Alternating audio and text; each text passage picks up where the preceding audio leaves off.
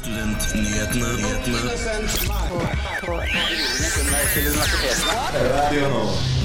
Hei og velkommen til Studentnyhetene. At du hører min stemme er jo et tydelig tegn på at det er fredag, og det er jeg i hvert fall veldig glad for. Eh, mitt navn er Selma Bull, og det er jeg som skal lede dere gjennom den neste timen her på Radio Nova. Det skal jeg ikke gjøre alene. Jeg har nemlig med meg Ada Helen. Velkommen. Hallo. Hva skal vi snakke om i dag, Ada? Eh, vi skal snakke om at Follobanen har blitt ødelagt, så vi skal høre hvordan det er å ta en tur inn til Oslo med en pendler. Vi skal også snakke om at eh, Oline Sæther, som er leder for studentparlamentet ved UiO, og forsknings- og høyere utdanningsminister Ola Borten Moe, eh, tilsynelatende ikke blir enige om et møtested for samtale. Universitetene er jo kritiske til innføringen av skolepenger, og vi har snakket med Oslo Met. Det er også flere som, eh, av de som vil inn på medisin, som velger å begynne på klinisk ernæring som et slags ventestudie. Dette er det nå en arbeidsgruppe som vil få en stopper for.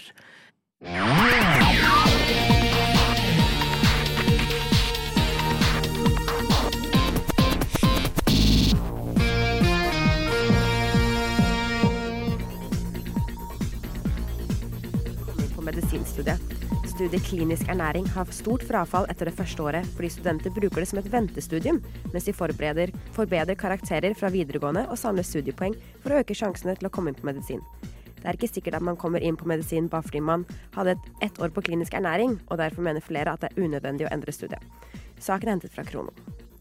Flere studenter i Oslo tester seg for klamydia, melder VG. I 2022 var det 6380 studenter som testet seg hos SIO. Lederen for allmennhelse i SIO helse sier det er dobbelt så mange som tester seg nå. SIO har hatt kampanje for å få studenter til å teste seg, særlig menn fordi de ikke tester seg like mye som kvinner. Men det er også en økning blant antall menn som testet seg i 2021 og 2022.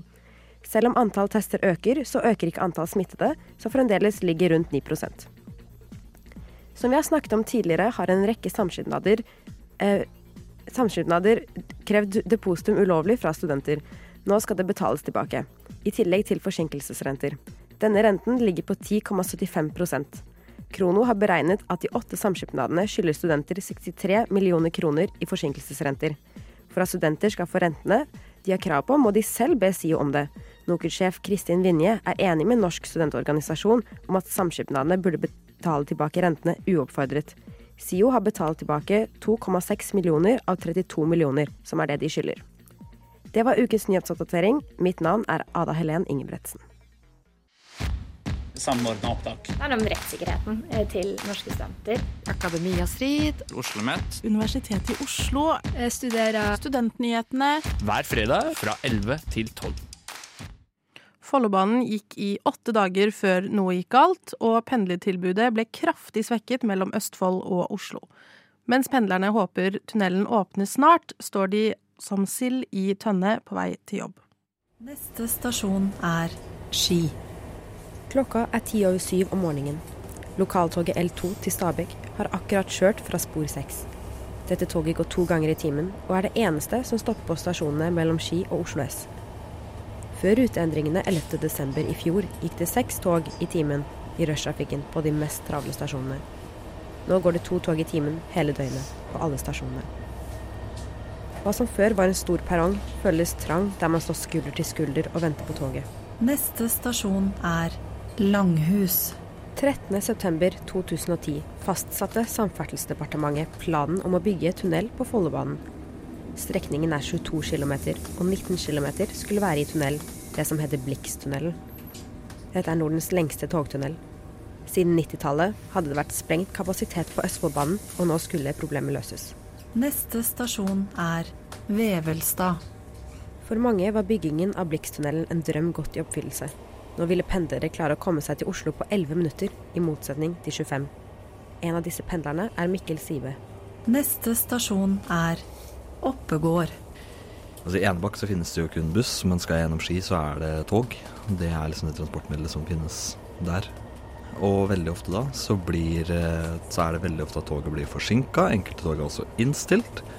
Og når jeg da endelig kommer meg på tog, så er det veldig ofte at jeg får beskjed over, eller vi får beskjed over intercomen at uh, toget er um, Altså, toget går i uh, tregere hastighet fordi at man havner bak alle andre tog som også skal inn til Oslo. Så det blir jo lang, lang kø, lang, lang linje med tog som skal inn til Oslo. Og du blir som regel alltid forsinka uansett hvilket tog du setter deg på.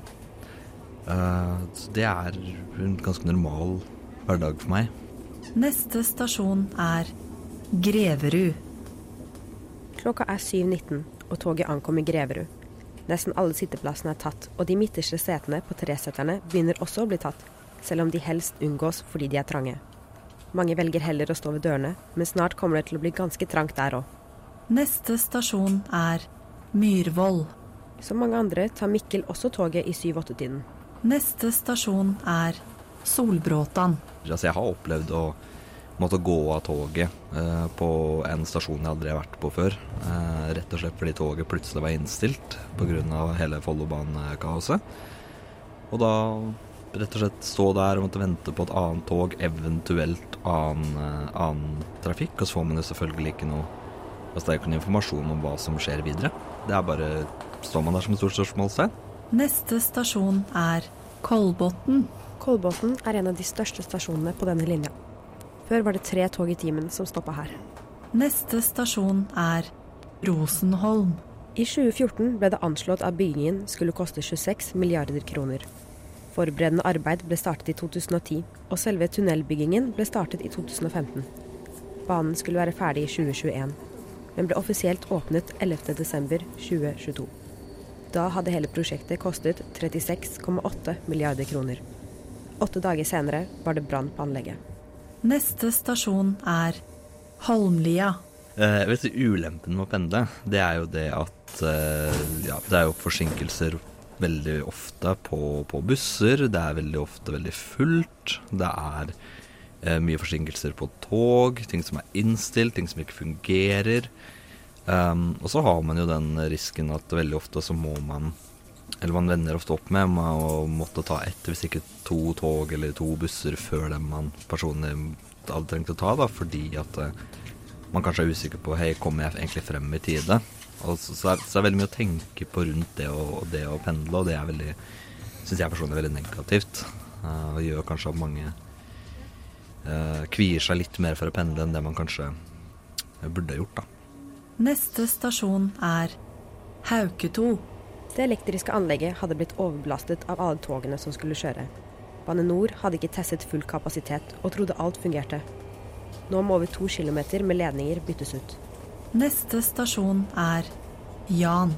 Jeg reiser fra Oslo til Nordre Follo, eller jeg reiser fra Oslo og skal ned til, til, til Sarpsborg, og så har jeg sagt at ja, jeg er der innen et visst klokkeslett, for det er det som står på ruter.no. Men så blir det store forsinkelser. Neste stasjon er Nordstrand. Åpningen er nå utsatt for fjerde gang til midten av februar, men ingen dato er satt. Andre steder på Østlandet har også hatt store togproblemer, og nå må togsektoren i landet forklare seg selv. Aftenposten avslørte at Bane NOR hadde lovet nesten 500 millioner til entreprenøren for at de skulle bli ferdig i tide. Å ikke rekke fristen ville sette dem i et dårlig lys, mente Bane NOR. Neste stasjon er Oslo sentralstasjon. Rettelse. Fra alle stasjoner nord for Kolbotn går toget fire ganger i timen, slik det skal gjøre på hele strekningen når tunnelen er fiksa.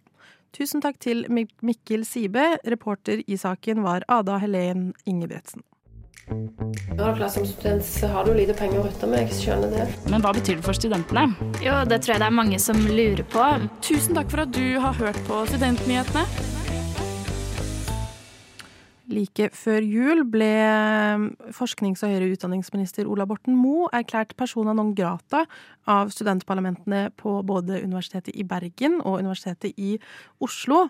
Eh, og begrunnelsen for disse resolusjonene var at studentene mente at de ikke var en prioritet eh, for eh, ministeren. Nå melder Krono via VG at studentparlamentene savner oppfølging fra ministeren etter disse resolusjonene. Det må også understrekes at begrunnelsen for disse resolusjonene var jo ikke at de ikke ville ha dialog med ministeren. Det var mer et forsøk på å få oppmerksomhet. Har f.eks. da Oline Sæther, som er leder for studentparlamentet på UiO, sagt flere ganger i media. Um, og like før jul så sendte da også Ola Borten Moe et brev til studentparlamentene uh, etter resolusjonene hvor han inviterte seg selv til, uh, på besøk for å diskutere studentpolitikk og velferdsordninger. Uh, han inviterte seg da selv til f.eks. da UiO. Um, og nå har det liksom blitt litt hva skal jeg si, meningsutvekslinger mellom studentparlamentene og ministeren, fordi at eh, studentparlamentene savner litt oppfølging. Eh, han har invitert seg selv til UiO, hvor han er jo erklært persona non grata, så han kan jo ikke komme dit. Og Oline Sæther mener at de, altså de har jo lyst til å møte ministeren, men det opprinnelige vedtaket er jo veldig tydelig på at studentparlamentet mener han ikke er velkommen på universitetet, har hun da sagt til VG. Hva tenker du om denne saken, Ada? Nei, altså, jeg tenker at han må jo forstå at de kan ikke bare Selv om det på en måte var et verktøy for oppmerksomhet, så kan de jo ikke bare OK, det var det, nå kan du komme, på en måte. Sånn, han må jo gjøre noe for å kunne komme tilbake. Og altså, jeg tenker det riktige å gjøre er jo på en måte å invitere noen til deg. Det er jo generelt sånn i samfunnet. Altså, man inviterer vanligvis ikke seg selv til noen andre. Da inviterer man ofte dem til seg selv, da. Og det er tenker jeg noe han burde gjøre noe her og da. Det ja, han burde heller velge å lage en plattform der han kan invitere dem, da, så de kan snakke. Nå har jo ikke Ola Borten Moe eh, sagt så mye mer i media enn eh, når det først kom ut, hvor han kalte denne uttrykksformen for pubertal, eh, og da tydeligvis har sendt et brev til studentparlamentene, som på en måte er eh, eh, bra, fordi man vil jo ha dialog. Eh, men jeg jo syns jo det er litt merkelig å invitere seg selv. personlig så tenker jeg jo at han kunne jo sagt ah, dette er dumt. Jeg inviterer dere til Kunnskapsdepartementet, altså mitt kontor. Ja. La oss prate om dette.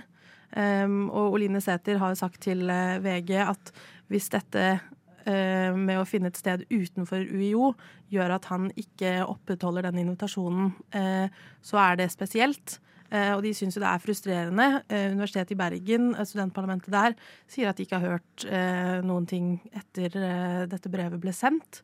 Um, og de har også prøvd uh, her i Oslo å uh, sende skriftlig på en måte dokumentasjon da, til um, Kunnskapsdepartementet. Um, og få en skriftlig bekreftelse på at ministeren ikke vil møte de noe annet sted enn Universitetet i Oslo. Uh, og sier at svarene de har fått derfra, har vært vage. og Sæter sier at at de ikke vil svare direkte på at invitasjonen står ved lag, eh, men sier heller at de gjerne møter oss på universitetet. Eh, og det finner de litt frustrerende, for det er på en måte ikke Nå er ikke universitetet det lenger en arena hvor de kan møtes, eh, men det finnes jo mange andre steder hvor de kan møtes. VG har også stilt spørsmål til Ola Borten Moe for å oppklare denne situasjonen.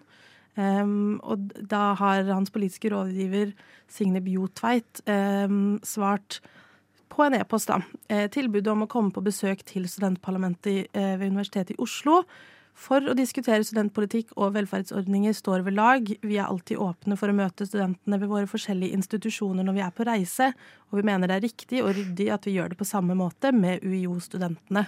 Så det virker jo litt som at den linjen Kunnskapsdepartementet legger seg på, eh, Kunnskapsdepartementet legger seg på, er det at eh, man skal møte studentene på deres arena.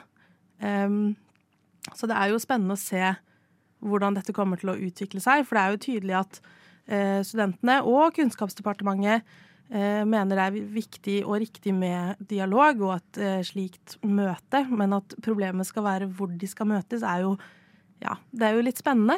Jeg lurer ja. på hvor de ender opp. Ja, det blir spennende å se hva som skjer. Studentpolitikk det har ikke vært en hovedprioritet. Så jeg er veldig glad for at dere er opptatt av det her. Tusen takk for at du har hørt på Studentnyhetene. Regjeringen har vedtatt at studenter som kommer fra land utenfor EU og EØS, skal betale skolepenger for å studere i Norge. Oslo OsloMet er kritiske. Det er også Unge Venstre som mener at dette vil skade mangfoldet i akademia. Kunnskapsdepartementet forsvarer endringen. Foregående høst ble det kjent at regjeringen vil pålegge studenter som kommer utenfor EØS å betale skolepenger for å kunne studere i Norge. Prorektor ved Oslo OsloMet, Silje Fekjær, er fortvilet over hastigheten i gjennomføringen av vedtaket. For oss er det særlig en utfordring at dette går så fort. Eh, for dette er et vedtak vi er nødt til å implementere i år, og det er ikke enkelt når vedtaket kommer såpass sent. Syns du at regjeringen burde ha ventet litt med å innføre det, sånn at dere kunne fått mer tid?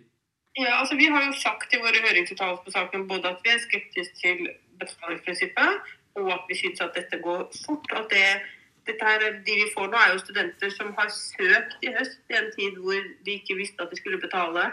Fekjær forklarer videre at dette ikke er et vedtak som Oslo OsloMet eller sektoren generelt hadde ønsket seg. Men hun er allikevel tydelig på at den politiske realiteten er som den er. Vi skulle ønske det ikke var sånn. Samtidig så skjønner vi nå at det er en politisk realitet som vi må forholde oss til. Men Kunnskapsdepartementet sier jo til oss at eh, eh, man, gjør nå, man, gjør jo bare det som eh, veldig mange andre land allerede har gjort. Så det kan jo ikke være særlig kontroversielt internasjonalt. Altså Internasjonalt så er dette normen, har og ikke unntaket. Det betyr jo ikke at Norge ikke kunne valgt en annen linje. Det har vi gjort tidligere, og det kunne vi valgt å fortsette. Rådgiver i Kunnskapsdepartementet Signe Bjotveit skriver i en e-post til Studentnyhetene at det er vanlig at det i land med offentlig subsidiert høyere utdanning er høyere egenbetaling for studenter fra andre land. De norske institusjonene bør være godt rustet til å kunne rekruttere internasjonale studenter ut fra kvaliteten i tilbudene, og ikke fordi de tilbys gratis, skriver Bjotveit. Hun legger også til at det er dyrt å leve i Norge, og at det i dag dermed er rimelig å anta at det ikke er de minst ressurssterke som kommer til Norge for å studere. Norge skal fremdeles være åpent for studenter fra alle land, men vi mener det er rett og rimelig at de også betaler for seg, kan den politiske rådgiveren siteres på. Hun poengterer også at utvekslingsavtaler fortsatt er unntatt studieavgift. På den måten holder vi mulighetene åpne for studenter fra alle land i verden til å komme til Norge for å studere, poengterer hun. Bjotveit avslutter med at studieavgiften kan gi oss mer motiverte internasjonale studenter. Unge Venstre reagerer kraftig på regjeringens politikk. Magnus Rabben Westman er nestleder i Oslo Unge Venstre og medlem i Unge Venstres internasjonale utvalg. Han frykter nå for mangfoldet i akademia. Vi mener at vi da svikter studenter fra fattigere land, eh, og da fratar dem muligheten til å kunne studere i Norge. Fordi ved å innføre en slik eh, ordning med skolepenger, så er man jo helt avhengig av å ha søkkrike foreldre som kan betale for utdanningen. Eh, og gratisprinsippet det er jo et prinsipp som har ligget fjellstøtt i høyere utdanning i Norge i veldig lang tid.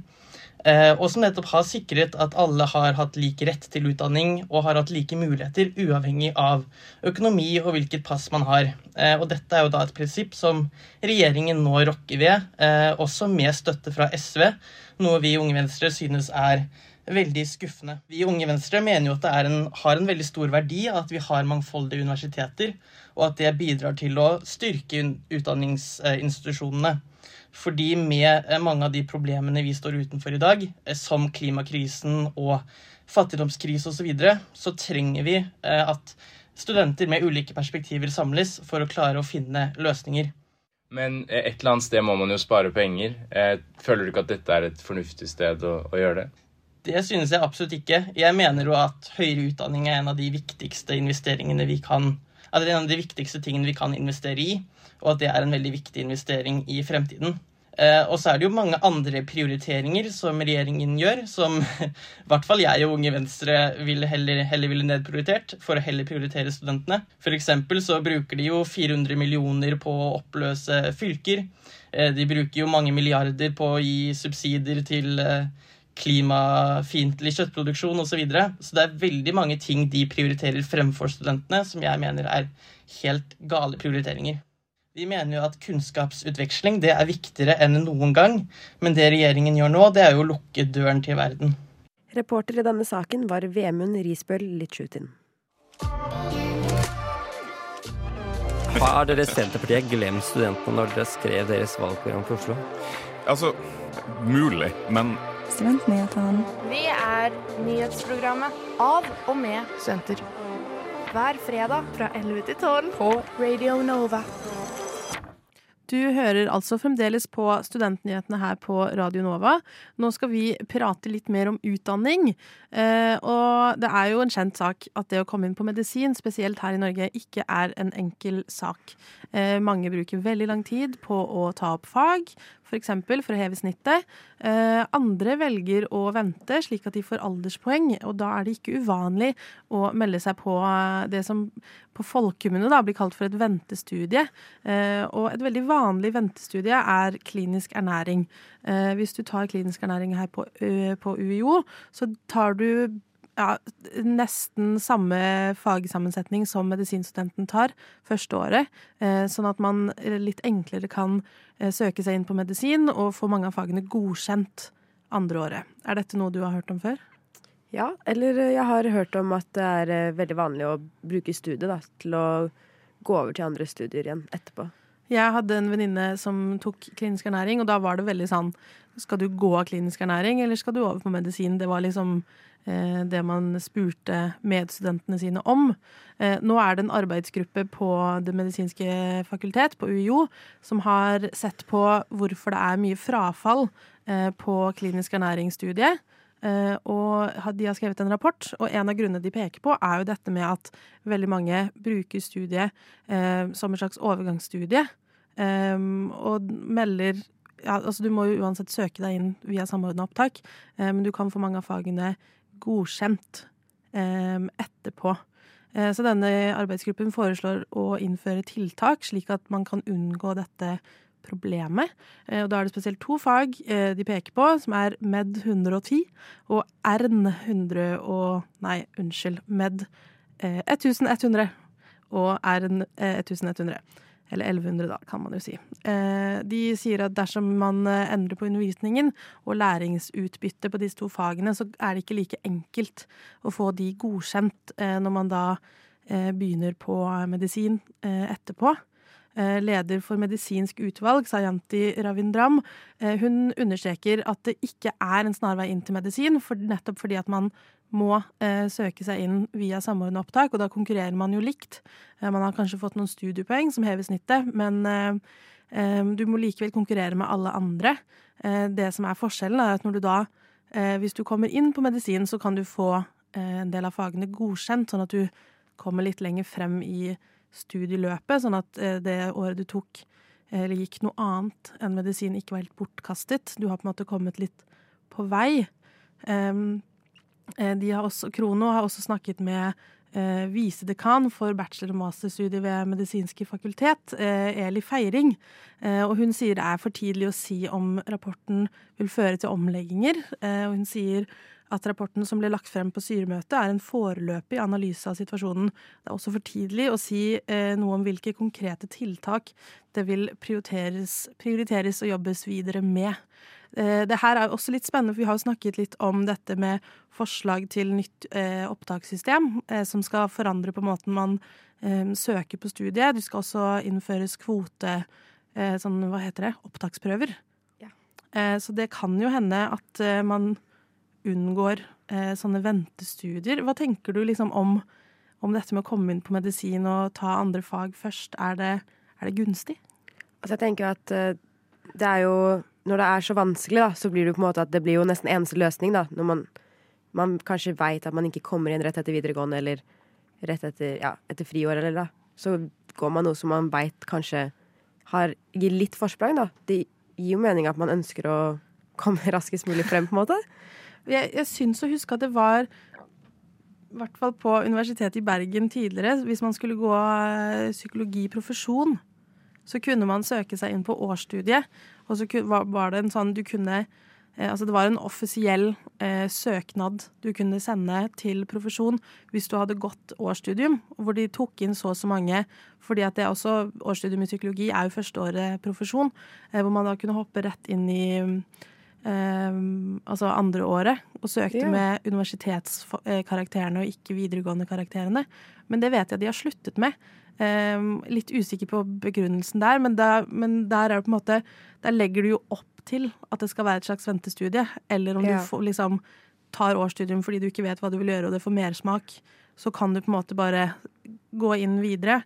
Eh, men da husker jeg det var liksom, da måtte du få A i alle fag, for det var jo hard konkurranse. Ja, det er det sikkert mange som Og så er det sikkert ganske full klasse fra før av også, antakeligvis. full antageligvis. klasse. Ja. Um, men det gjør jo at hvis du på en måte har fått eh, treer i et fag som ikke er relevant, eller om relevant for den saks skyld også, uh, så kan du vise at sånn OK, snittet mitt fra videregående var ikke så bra, men det er psykologi jeg vil. eh, Og vise at du faktisk klarer å tilegne deg kunnskapen fordi du får gode karakterer på universitetet. Um, så jeg vet ikke, det er jo litt vanskelig, men hadde det vært mulig å liksom gjøre samme greia på medisin? At du kan ta et slags årsstudium da, eh, i en klinisk ernæring eller medisin, og på en måte legge opp til at man kan eh, få gode karakterer og vise at jeg klarer å gjennomføre dette her, og så gå videre til medisin etterpå. Ja, det er jo fint å gjøre det, for så vidt, men jeg tenker også at det, det, Jeg tenker kanskje hovedproblemet med at medisinstudenter, eller fremtidige medisinstudenter søker ernærings, klinisk ernæring, er jo at man fratar kanskje de plassene for de som faktisk har lyst til å gå klinisk ernæring. Mm. Så, men når man har et årsstudium, så er det jo litt annerledes, for da, da er man på en måte ferdig etter det året. Da tar du ikke opp noen plasser til noen som skal gå videre på en bachelor, for. Da. Nei, du trenger jo da flere studieplasser, vil jeg tro. For du Ja. må liksom ha en andel som er eh, årsstudium, og en annen Mm. som er eh, hele studieløpet. Eh, nå er det jo også eh, mangel på kliniske ernæringsfysiologer i Norge. Det er jo eh, et yrke som man trenger Altså man trenger flere som jobber som kliniske ernæringsfysiologer. Eh, så kanskje man Kanskje man skal gjøre sånn at flere har lyst til å jobbe innen medisin uten at de er lege. Er det liksom bare lege eller sykepleie? Man snakker liksom ikke Mm. like mye om de andre eh, veiene man kan gå inn i helsefag. sant. Um, så det er spennende å se eh, om de gjør noen endringer, um, og gjør at det blir vanskeligere å bruke det som en slags ventestudie. Det blir også spennende å se hvordan eh, et eventuelt nytt opptakssystem vil påvirke um, opptak til medisin her i Norge. Definitivt. Radio Nova. Vi er tilbake her i Studentnyhetene. Vi har jo allerede snakket en del i tidligere sendinger om dette med skolepenger for utenlandsstudenter. Eh, Vemund hadde jo også lagd en reportasje på det i dag.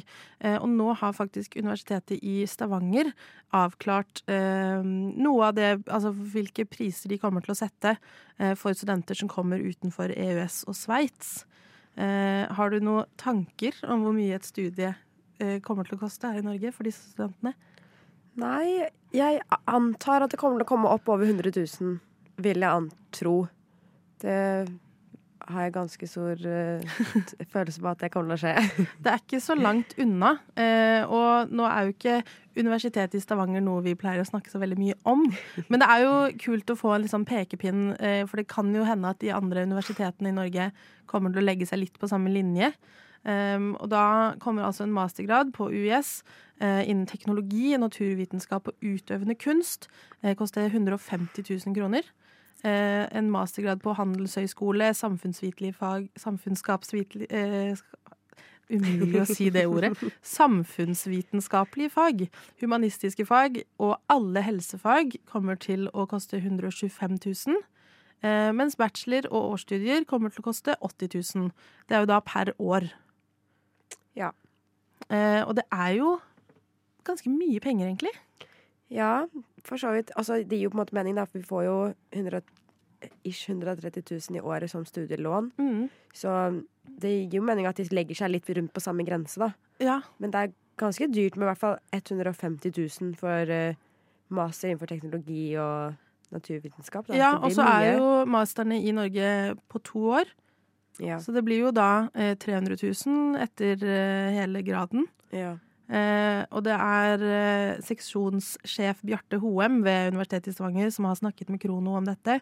Eh, og han sier at disse satsene kun dekker marginalkostnaden, og ikke hva det faktisk koster å ha en infrastruktur og ansatte som forsker. Um, og at uh, en reell kostnad da er 250 000, så det er jo ikke sånn at universitetene tjener noe penger på dette, egentlig. De går kanskje ikke like mye minus, bare. Um, så det er jo litt spennende, og han sier også at det er uh, altså forskjell i pris uh, på forskjellige studier, fordi at noen studier er dyrere enn andre. Så jeg skjønner jo da at en, uh, en master innenfor teknologi og naturvitenskap, hvor du har, har mer labarbeid, og du har liksom mer av disse praktiske tingene, koster mer enn at man bare leser seg opp, på en måte. Ja. Så det er jo litt spennende å se om dette er på en måte linjen de andre universitetene legger seg på. Det gjenstår jo å se. Vi må innom det aller helligste temaet blant studenter. Det er jo studiestøtte. Studiestøtte. Har du ikke hørt det? Det aller helligste temaet blant studenter. Studentnyhetene hver fredag fra 11 til 12 på Radio Nova.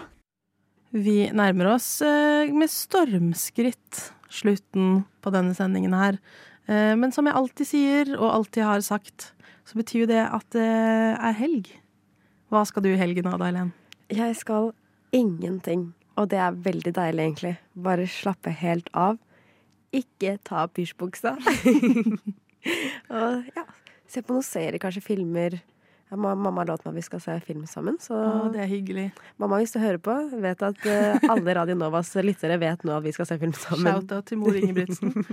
Eh, har du noen rutiner du har? Du sa nettopp at du ikke skal ta av deg pushbuksa. Men sånn helger hvor du ikke har noen planer, er det noe liksom du eh, pleier å gjøre? Eh, jeg pleier vanligvis sånn bare slappe helt av. Lese bok, kanskje. Strikke. Jeg håper å kunne strikke ferdig en genser, faktisk. Det hadde vært veldig kult. Det er, det er synd å strikke ferdig genser når det blir vår, liksom. Ja, det er ikke så jeg gøy. tror du har noen uker igjen. det er jo faktisk ganske fint vær i dag, men det er jo Ja. kaldt. Ja, nei, det er det. Men det er veldig sånn tidlig vårfølelse nå, merker jeg i Oslo.